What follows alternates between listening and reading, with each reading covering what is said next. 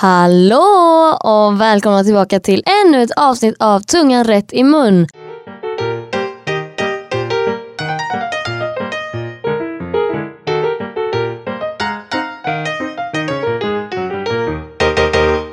Jag är på, äh, jag skulle inte säga bra humör, alltså jag är på bra humör, ja jag är liksom trevlig och inte tjurig och sådär. Men jag är lite conflicted måste jag säga för att idag är det måndag den 22 juli och eh, ja för vi spelar in i förväg som sagt, jag vet inte hur många gånger jag har sagt det men när ni lyssnar på detta så har jag fyllt 20 för jag fyller 20 imorgon den 23 juli. Woo! Yay!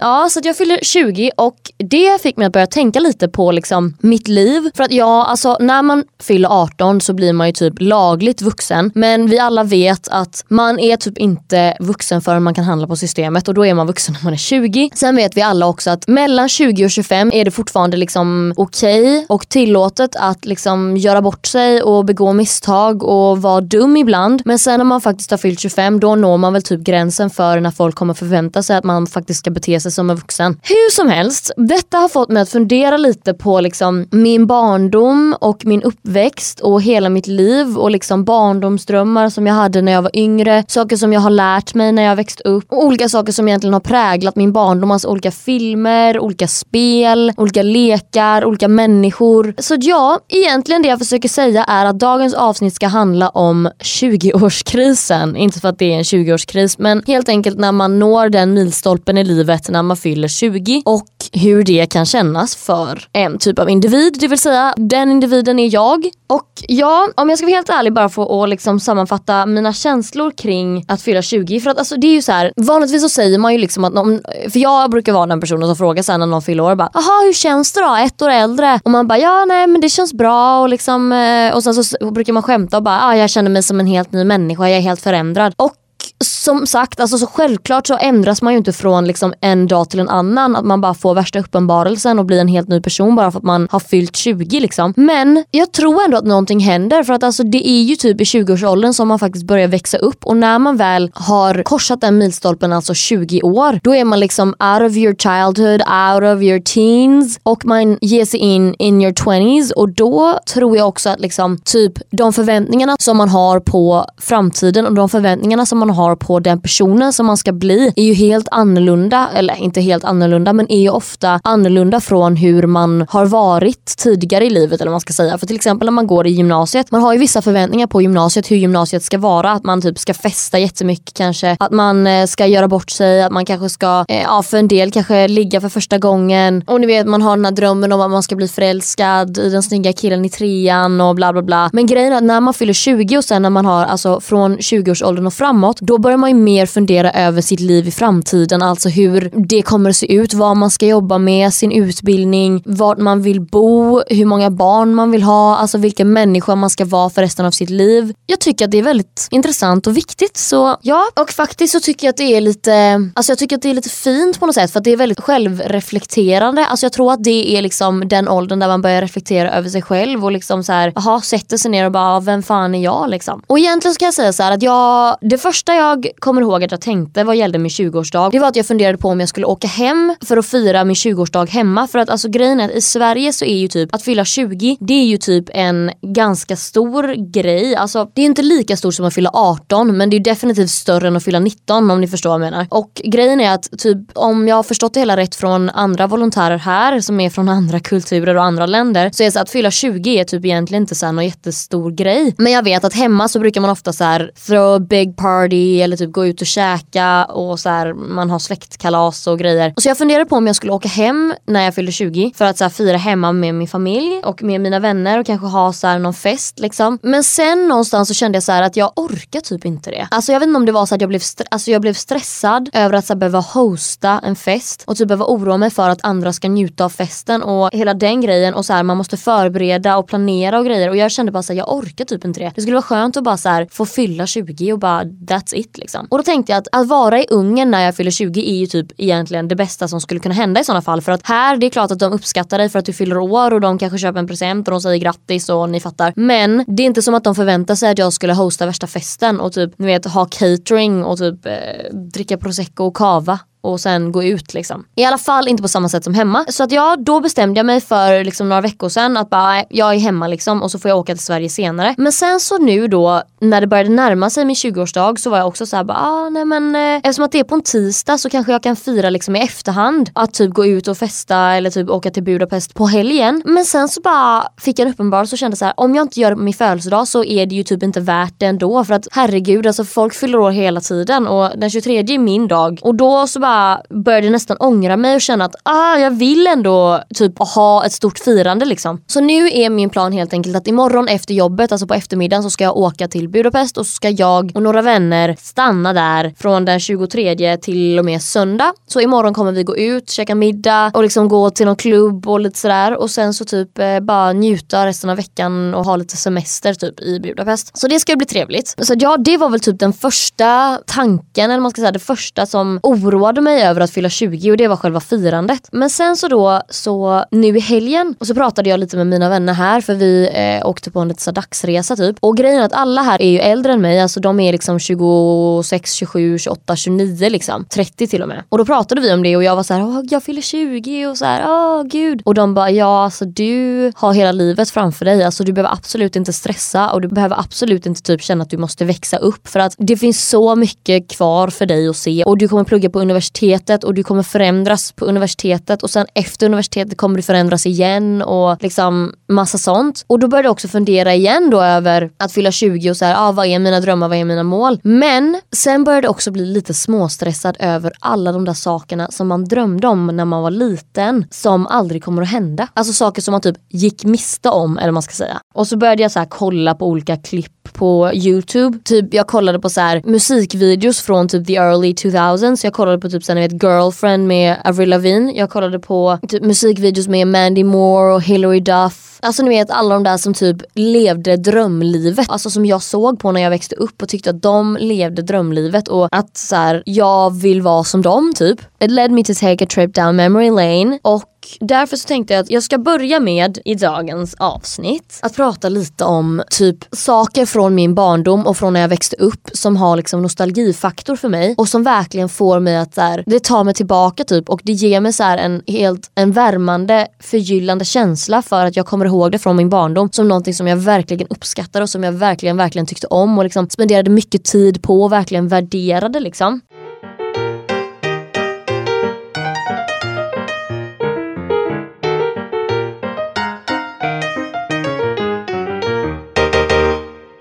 Så jag tänkte att jag skulle bara nämna några filmer lite snabbt som jag verkligen brukade titta på som barn och eh, som jag fortfarande tittar på gladeligen och verkligen älskar. Och då har vi då bland annat Legally Blonde med Reese Witherspoon och jag tror typ att det är ganska många som har sett den här filmen. Och det handlar om henne då, hon är ju någon sån här sorority girl typ. Och sen så bestämmer hon sig för att försöka ta sig in på Harvard Law för att hon typ vill följa efter den här killen som har dumpat henne. Och alltså den här filmen är en sån där film som jag brukade se på när jag var liten tillsammans med min mamma och min lilla syster. Och grejen är att det var den filmen som man alltid såg om man var sjuk. Om man var sjuk och hemma från skolan så brukade mamma typ så poppa popcorn eller typ värma nyponsoppa och så satt man och tittade på den här filmen med henne. Och alltså jag älskar verkligen den här filmen och eh, jag kan typ så här varenda line liksom. Andra filmer som jag har är John Tucker Must Die och det är med hon Britney Snow tror jag hon heter. Och det handlar typ om att hon så här, inte är populär i skolan och sen så är det då den här John Tucker som typ dejtar massa tjejer från olika klicks i skolan. Och sen så är det tre stycken från olika klicks då som inser att de alla dejtar honom tillsammans och sen så ska de alla tillsammans med den här tjejen då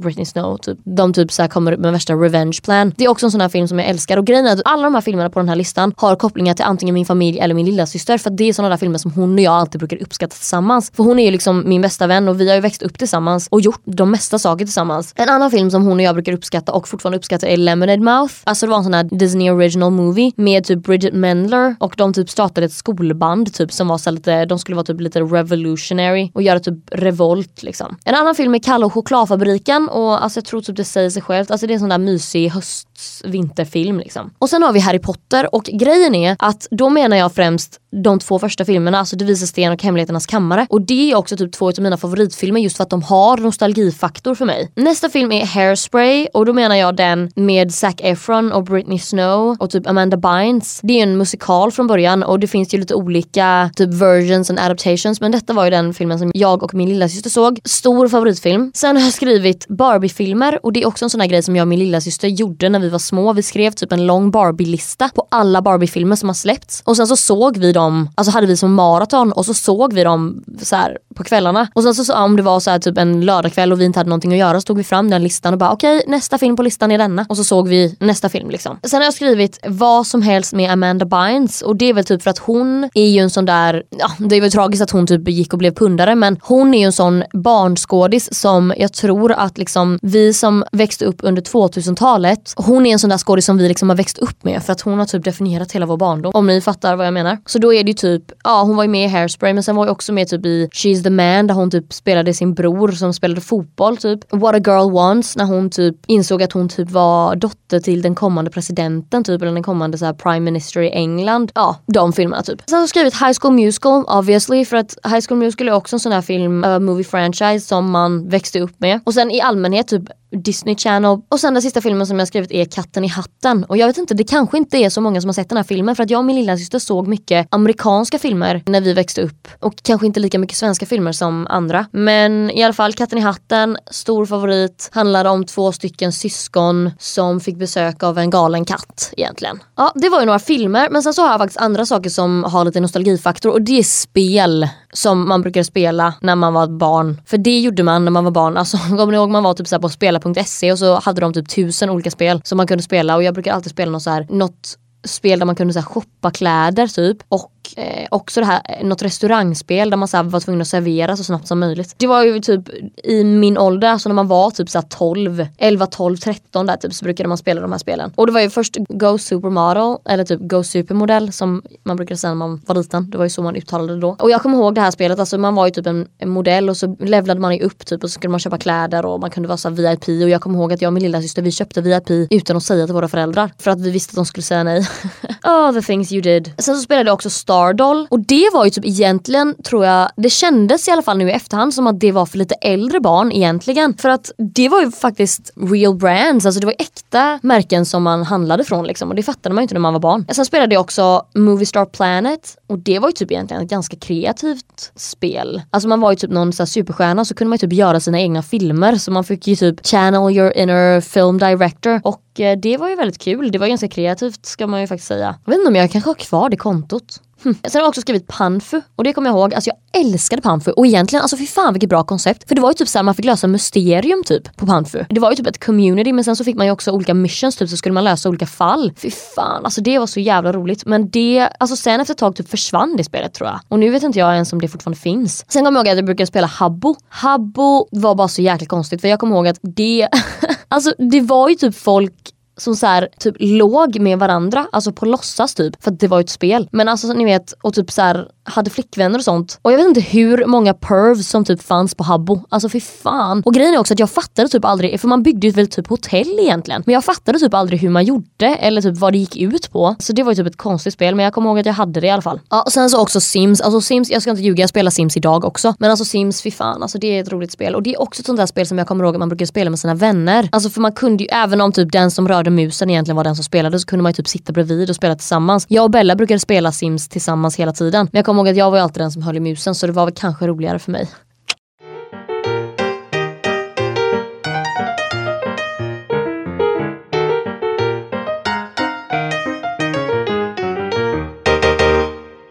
Ja, sen så har jag lite barndomsdrömmar som jag hade när jag var barn. Och jag tror väl att jag inte är ensam om de här barndomsdrömmarna. Men eh, först och främst så är det väl att eh, jag ville vara med i Lilla Melodifestivalen. Alltså jag kommer ihåg att jag och en av mina närmsta vänner, när vi var typ nio kanske, åtta, nio, alltså skrev vi en låt typ som hette Best Friends och jag kommer ihåg hur den gick. Den var så här: Best Friends, oh oh, Best Friends, oh oh. och jag kommer ihåg att vi så här skrev den låten och vi skulle skicka in den till Lilla Melodifestivalen. Men sen så kommer jag ihåg att jag typ så fick cold feet för att jag var så himla, jag jag blev typ lite avundsjuk för jag tyckte alltid att hon var bättre än mig. Och att hon var så här, att folk skulle tycka, för vi var liksom en duo och jag var rädd så att folk skulle tycka om henne bättre typ i den här duon. Och eh, jag vet inte för jag tyckte typ hon sjöng bättre och jag tyckte typ att hon, för hon var ju också, alltså hon var ju liksom en vit blond tjej med typ gröna ögon så hon var ju mycket mer, alltså hon var ju en sån person som syntes mer typ på melodifestivalen så jag tyckte också att hon typ var bättre anpassad för melodifestivalen än vad jag var för jag såg aldrig någon som såg ut som mig liksom i lilla melodifestivalen. Så sen så till slut så gjorde vi inte det men sen så senare så pratade vi om det alltså när vi var äldre sen. Och då kommer jag ihåg att hon sa såhär va? Jag tyckte alltid att det var du som var bäst, alltså du var ju den som typ kunde sjunga och typ var så här, kunde dansa och sånt och jag var bara så awkward typ. Eh, så att eh, ja Barndomsdrömmar. En annan var att jag ville spela the love interest i en Sune-film. Alltså för fan, det här var verkligen min dröm och jag kommer ihåg att den drömmen började redan från alltså ni vet Sune Sommar och jag vill alltid vara den blonda tjejen i Sune Sommar som han blev kär i. Och den här filmen är ju väldigt gammal men jag kommer ihåg att jag brukar alltid, jag och min lilla syster såg alltid den på så här, eh, vad heter det? VHR när vi var hemma hos min mormor för min mormor hade ingen DVD-spelare när vi växte upp så hon hade bara såhär VH, eh, VHS heter det kanske. Ja, VH, hon hade såhär VHS, eh, kass, alltså ja ni fattar låtar. Och då hade hon Sune Sommar och då brukade vi kolla på den. Och sen så typ tror jag 2011 kanske så släppte de den här Sune i Grekland och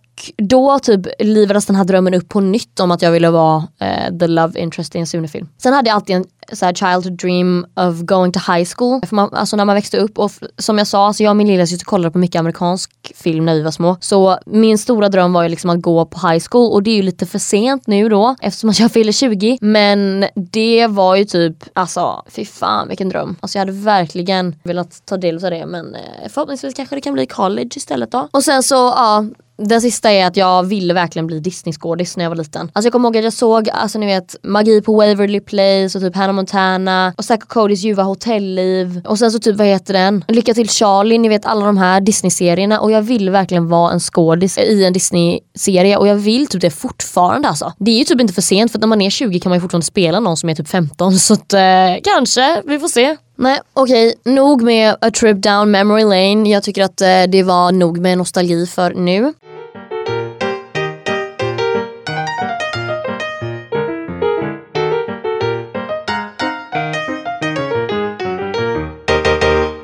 Jag har faktiskt tänkt göra en sån här, jag vet inte om ni har sett på youtube, typ folk som gör såhär ah, 23 things I learned in 23 years och såna där videos. Och faktiskt så har jag gjort en egen lista på 20 saker som jag har lärt mig under 20 år. Så det är egentligen så här 20 life lessons that I've learned during my 20 years of living. Och jag tänker väl egentligen att jag bara sätter igång direkt. Nummer ett är att de vänner som tar hand om dig och ser till att du kommer hem hel när du sneat på klubben. Det är vänner man ska hålla hårt i. Alltså helt ärligt, jag vet att, alltså okej okay, jag är inte en sån person. Det kanske är annorlunda för folk folk som snear ofta, jag vet inte. Men för mig, jag brukar inte snea så ofta men de gångerna som jag har sneat så dagen efter så får man höra från folk och typ från sina föräldrar, för mina föräldrar har ju fått hämta upp mig ibland. Och då får man höra från folk och också folk skriver till en och bara mår du bra, är du okej? Okay? Man får höra vilka som tog hand om en och vad folk gjorde för freaking sacrifices för en liksom. Och man blir verkligen varm i hjärtat och känner att så här, man har ändå goda människor omkring en som are looking out for your best interest liksom. Nummer två, kaffe är det bästa laxeringsmedlet och detta har jag typ insett nu på senare tid. För de som känner mig vet att jag typ dricker inte energidryck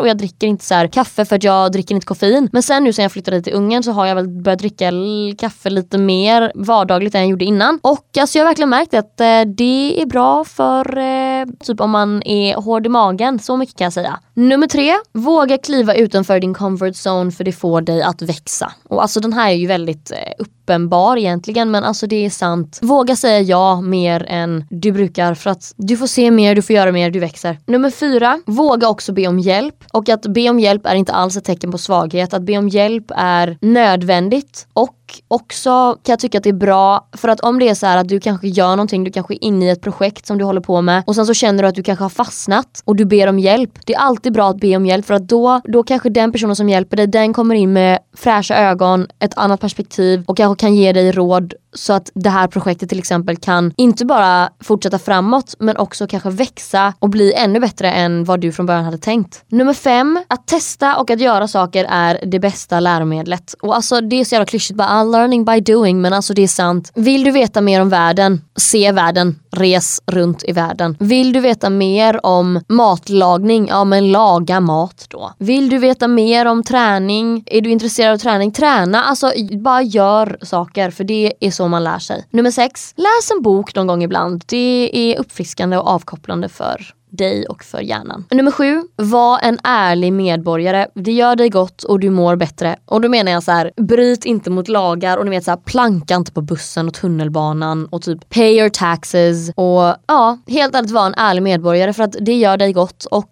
sanningen är att sooner or later it's gonna come back to bite you in the ass om du inte är det. Nummer åtta, lita på din egen instinkt och din magkänsla för den har allt som oftast rätt och eh, ja, du mår bättre om du litar på den. Jag vet att det, alltså det är så många gånger som jag har haft en magkänsla och jag har haft en instinkt men jag har inte gått med den för att någon annan har sagt någonting annat. Och det har alltid blivit fel och jag har alltid blivit arg och irriterad. Men jag har liksom blivit arg och irriterad på mig själv för att jag visste eller jag kände på mig att det jag tyckte och det jag kände var, jag visste liksom att det här alternativet skulle varit bättre för mig. Och problemet är att den enda som du kan skylla på är dig själv så att för att undvika det, kör på magkänslan. Nummer nio, frågar man inget så får man inget veta och alltså det här har jag ju levt by my entire life och jag vet att det är många så här, när jag växte upp så sa min mamma typ att så här, Julia du måste sluta ställa så mycket frågor. Men sanningen är att ställer man inga frågor så får man ingenting veta. Och grejen är också att det är bra för mig nu till exempel när man reser eller när man är någonstans om det är så att man undrar över någonting till exempel undrar om den här tunnelbanan går förbi den här stationen eller undrar vilken tid bussen kommer. Och är man osäker, man kanske är i ett annat land, man kan inte läsa språket, vad som helst. Fråga någon som står där. Alltså det är alltid lättare och du får ofta svaret direkt i handen. Liksom. Nummer 10. Det är okej att inte vara med på allt. Vill du stanna hemma och sova så borde du göra det. För att som sagt som jag sa innan, alltså lita på din egen instinkt. Och är det så att du känner att du är trött men du vill verkligen vara med för du vill inte missa någonting. Alltså ibland så är det okej att inte vara med och du ska inte beat yourself up for it. För att man behöver inte vara med på allt. Och det kommer inte vara livsavgörande liksom. Bara för att du missade den där festen eller du missade den där middagen. Det är inga problem. Livet går vidare. Nummer 11. Alla kommer inte att gilla dig och det är helt okej. Okay.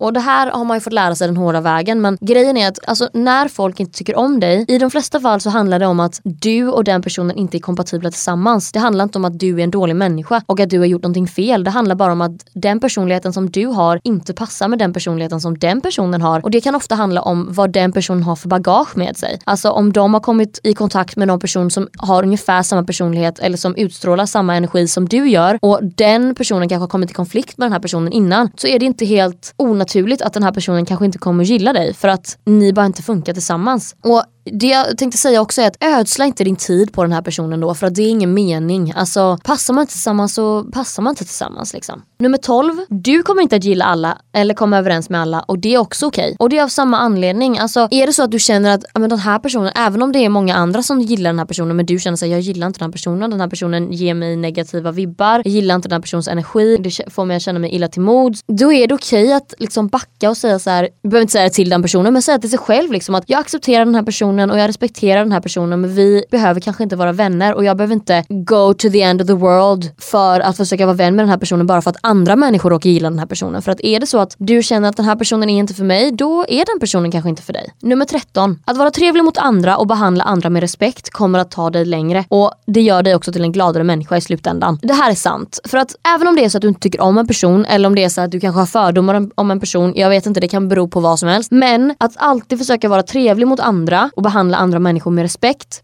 och värdighet. Det kommer göra dig gott i slutändan. För det är inte nog med att, för det första genererar du positiv energi och det gör också att du får tillbaka positiv energi från andra människor. För att allt som oftast när du är trevlig mot andra så kommer de också vara trevliga mot dig. Men för er som bryr er om ert rykte och som bryr er om hur andra människor ser er, vad andra människor tycker om er. Jag kan ju också erkänna att jag är en sån här person. Så är det också så att om du är trevlig mot andra människor så kommer andra människor säga goda saker om dig. Folk kommer prata gott om dig och du kommer ha ett gott rykte efter dig. Och det i sin tur kommer också generera positivt. Däremot istället om du är liksom en bitch som tycker att du är bättre än alla andra och som behandla andra som att du vore bättre än dem. Då är det också den energin som du kommer generera och det är också så som folk kommer att se dig och tycka om dig. Att vara trevlig mot andra och behandla dem med respekt kommer ta det längre. Nummer 14. Ett fult ansikte är bättre än en ful personlighet. Och alltså nu ska jag inte säga att jag liksom tycker att jag är ful men helt ärligt så kan jag säga så här, i Sverige så har vi ett väldigt hårt klimat kan jag tycka. För att vi har ett klimat där i allmänhet så tycker vi att det är okej okay för andra att behandla andra som skit. Men det man ska göra är att man ska inte bry sig. Att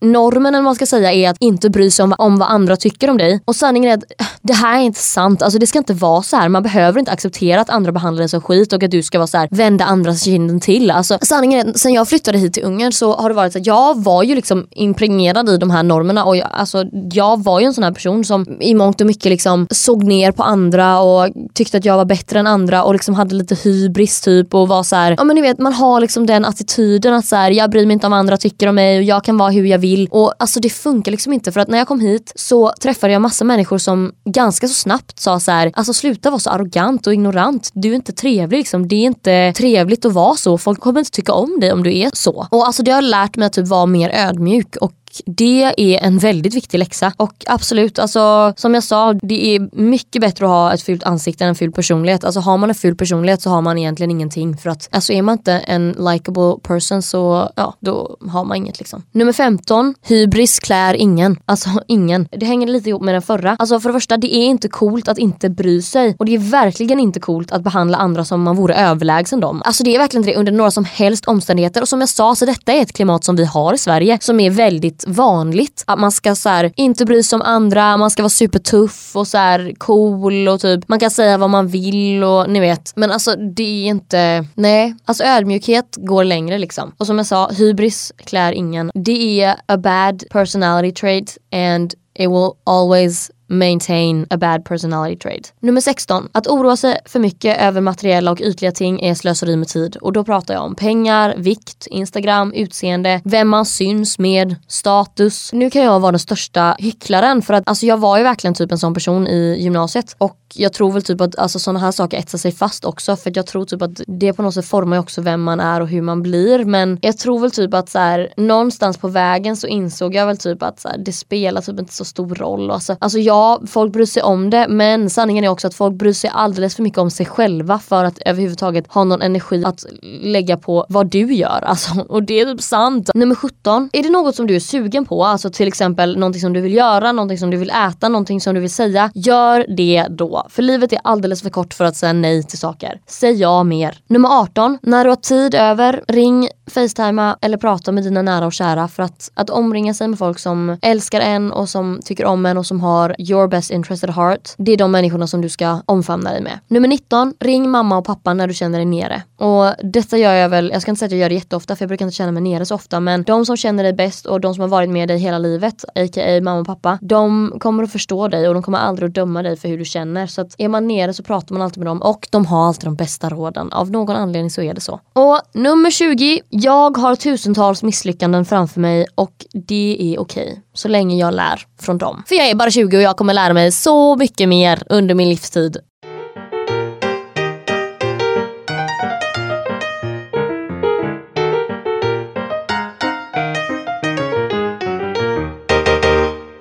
Jaha, det här programmet börjar liksom lida mot sitt slut men jag tänkte bara att jag skulle svara på några frågor från en adult tag. Jag ska inte göra hela för att alltså, vissa frågor är skittråkiga men en fråga som jag tycker är lite intressant det är ett råd som du önskar att folk hade gett dig när du växte upp. Jag har faktiskt ett råd här som jag tycker är ganska viktigt och det är att problem och hinder faktiskt är en del av det normala livet och inte någonting utöver det vanliga. Till exempel när man stöter på liksom obstacles in life så är inte det någonting som inte ska finnas. Förstår du vad jag menar? Eller någonting som är så här, ah, nu är, det är lite jobbigt nu i livet för det här hände. Utan egentligen så handlar det bara om att vi måste lära oss att hantera dem på bästa sätt för att kunna leva med de här hindren och de här problemen. För att vi kommer alltid ha problem i livet oavsett. Och så länge som vi inte går ner oss i de här problemen och ältar de här problemen för mycket och liksom oroas för mycket över problemen utan istället hanterar de här problemen på bästa sätt och lär oss att leva med dem och lär oss att liksom live in peace with these problems så är de en del av det normala livet och det kommer egentligen inte vara några större problem för att när man lär sig att hantera dem så blir inte de här hindren så stora som man tror liksom. Och det önskar jag väl typ att någon hade lärt mig eller sagt till mig när jag växte upp att liksom vissa saker som händer, it's just life and you just gotta learn how to live with it. Lite så liksom. Men kanske lite mer pedagogiskt och inte så här slap it in the face som ni fattar. Sen en annan fråga som är ett råd du skulle ge till yngre nu. Och det är väl ett råd som jag också tror att jag hade velat höra är att bara för att du vet att någonting inte är rätt så betyder inte det att du kommer kunna ändra hur du känner om det. För ibland när du vet att någonting inte är rätt är det okej att avstå från det och se sig om efter andra alternativ. Och det här tycker jag är så viktigt. Det kan ju vara som jag sa innan, som vi pratade lite om innan till exempel. Är det så att du är i en, i en vängrupp till exempel. För så här är det ofta typ i gymnasiet att man har massa vänner runt omkring sig. Och så kanske det är så att du känner att den här personen ger mig lite dåliga vibbar. Jag gillar kanske inte riktigt den här personen. Vi kommer inte riktigt överens. Du känner att liksom den här vänskapen är inte helt rätt. Då behöver du inte försöka, alltså ibland så är det så här, du behöver inte försöka ändra hur du känner kring den här personen för att ibland så är det helt enkelt inte rätt och då är det okej okay att liksom se sig om efter andra alternativ och helt enkelt välja någonting annat. Samma sak gäller när du söker jobb, att du kanske hittar ett jobb och får ett jobb men du känner någonstans att så här, det här jobbet är inte för mig, jag kommer inte gilla det här jobbet. Men en, sen är det andra faktorer, så här, jag måste tjäna pengar och bla bla bla. Men du kanske känner att ah, jag kommer inte må bra på det här jobbet. Ibland så kan det vara så här, det är okej okay då att säga nej. För att bara för att du känner att någonting inte är rätt så betyder inte det att du kommer kunna ändra hur du känner kring det. För att är det inte rätt så är det inte rätt. Och det gör inte dig till en sämre människa utan du gör bara det som känns rätt för dig. Och det är viktigt för att det här är en annan sak som man måste komma ihåg, att, eller som jag alltid försöker komma ihåg och det är att genom hela mitt liv så kommer jag att träffa människor och jag kommer säga hej till människor, kommer säga hej då till människor. Det är liksom a lot of different people that's gonna pass me by in my life men i slutändan så är det jag. Från dagen jag föds till dagen jag dör så kommer den personen som alltid kommer finnas med mig är jag. Så då är det ingen mening att liksom beat myself up eller put myself in situations that I don't want to be in. Utan gör det som känns rätt för dig och säg nej om du känner att du vill eller måste säga nej och säg ja om du känner att du vill eller måste säga ja. Ja, och sen så då väl sista frågan är, känner du dig vuxen? Eh, och eh, ja, alltså grejen är att på senaste tiden så tror jag att jag har liksom kommit underfund med att under de senaste månaderna så har jag väl försökt vara så vuxen som möjligt för att jag har liksom flyttat hemifrån, jag bor själv, jag jobbar med ett projekt som är väldigt vuxligt, eller vad man ska säga. Och jag gör liksom en volontärtjänst som är ganska, jag tror ändå rätt ovanligt för folk i min ålder att göra ett sånt här projekt på den här typen av nivå om ni förstår att man är borta ett år och man jobbar i radio i Ungern. Men jag tror väl att någonstans nu, jag har haft någon liten identitetskris nu då inför min 20-årsdag och jag har väl insett att jag behöver inte växa upp så snabbt. Alltså ja, jag känner mig vuxen men samtidigt så vill jag inte känna mig, alltså jag vill inte vara så vuxen som jag är. Utan jag måste ändå känna att så här, det är, även om jag är en vuxen människa och jag liksom, ni vet, dammsuger, lagar mat, handlar och beter mig som en vuxen människa så är det också okej okay att liksom, ni vet, ligga hemma en hel dag utan att göra någonting. Eller dricka sig redlös och snea ute.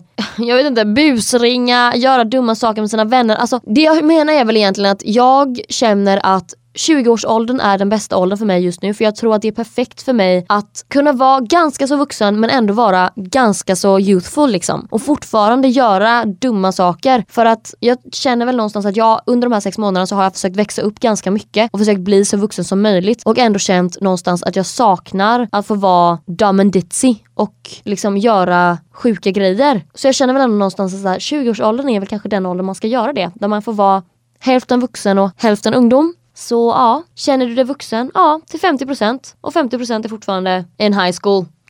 Nej, men skämt åsido, jag tycker väl typ att detta var hela programmet. Jag har pratat ganska mycket och varit ganska så här all over the place och jag hoppas att eh, det är okej okay för er för att jag känner att jag ville prata av mig lite. Och jag hoppas väl framförallt att någon kanske kan känna igen sig, alltså någon annan som är i ungefär samma tidsperiod just nu kan känna igen sig i det som jag känner. Att man ändå är lite stressad, lite ledsen och lite orolig över att man lämnar bakom sig hela sin barndom och alla de där barndomsdrömmarna som man ville göra men aldrig gjorde. Men ändå någonstans eh, liksom känner sig tillfreds med det och känner att det är dags att växa upp men inte för snabbt och inte för mycket för att det finns fortfarande dumma saker som man får göra. För att eh, jag menar det är fortfarande 10 år till 30. När du är 30 då kanske men nu, inte nu. Och man har hela livet framför sig och man behöver inte stressa man behöver inte oroa sig så himla mycket för saker för att saker kommer att lösa sig så länge man är positiv för allt som livet har att ge. Både de fina, roliga, härliga sakerna men också problemen och hindren och alla de fina människorna du kommer möta men också alla de dumma, elaka människor du kommer möta för du kommer växa från dem också. Så har man inget att oroa sig för. Det är vad jag har kommit underfund med under det här programmet. Så ja, jag tackar för att ni har lyssnat idag. Puss och kram, ha det bra, vi ses, syns och hörs. Hej!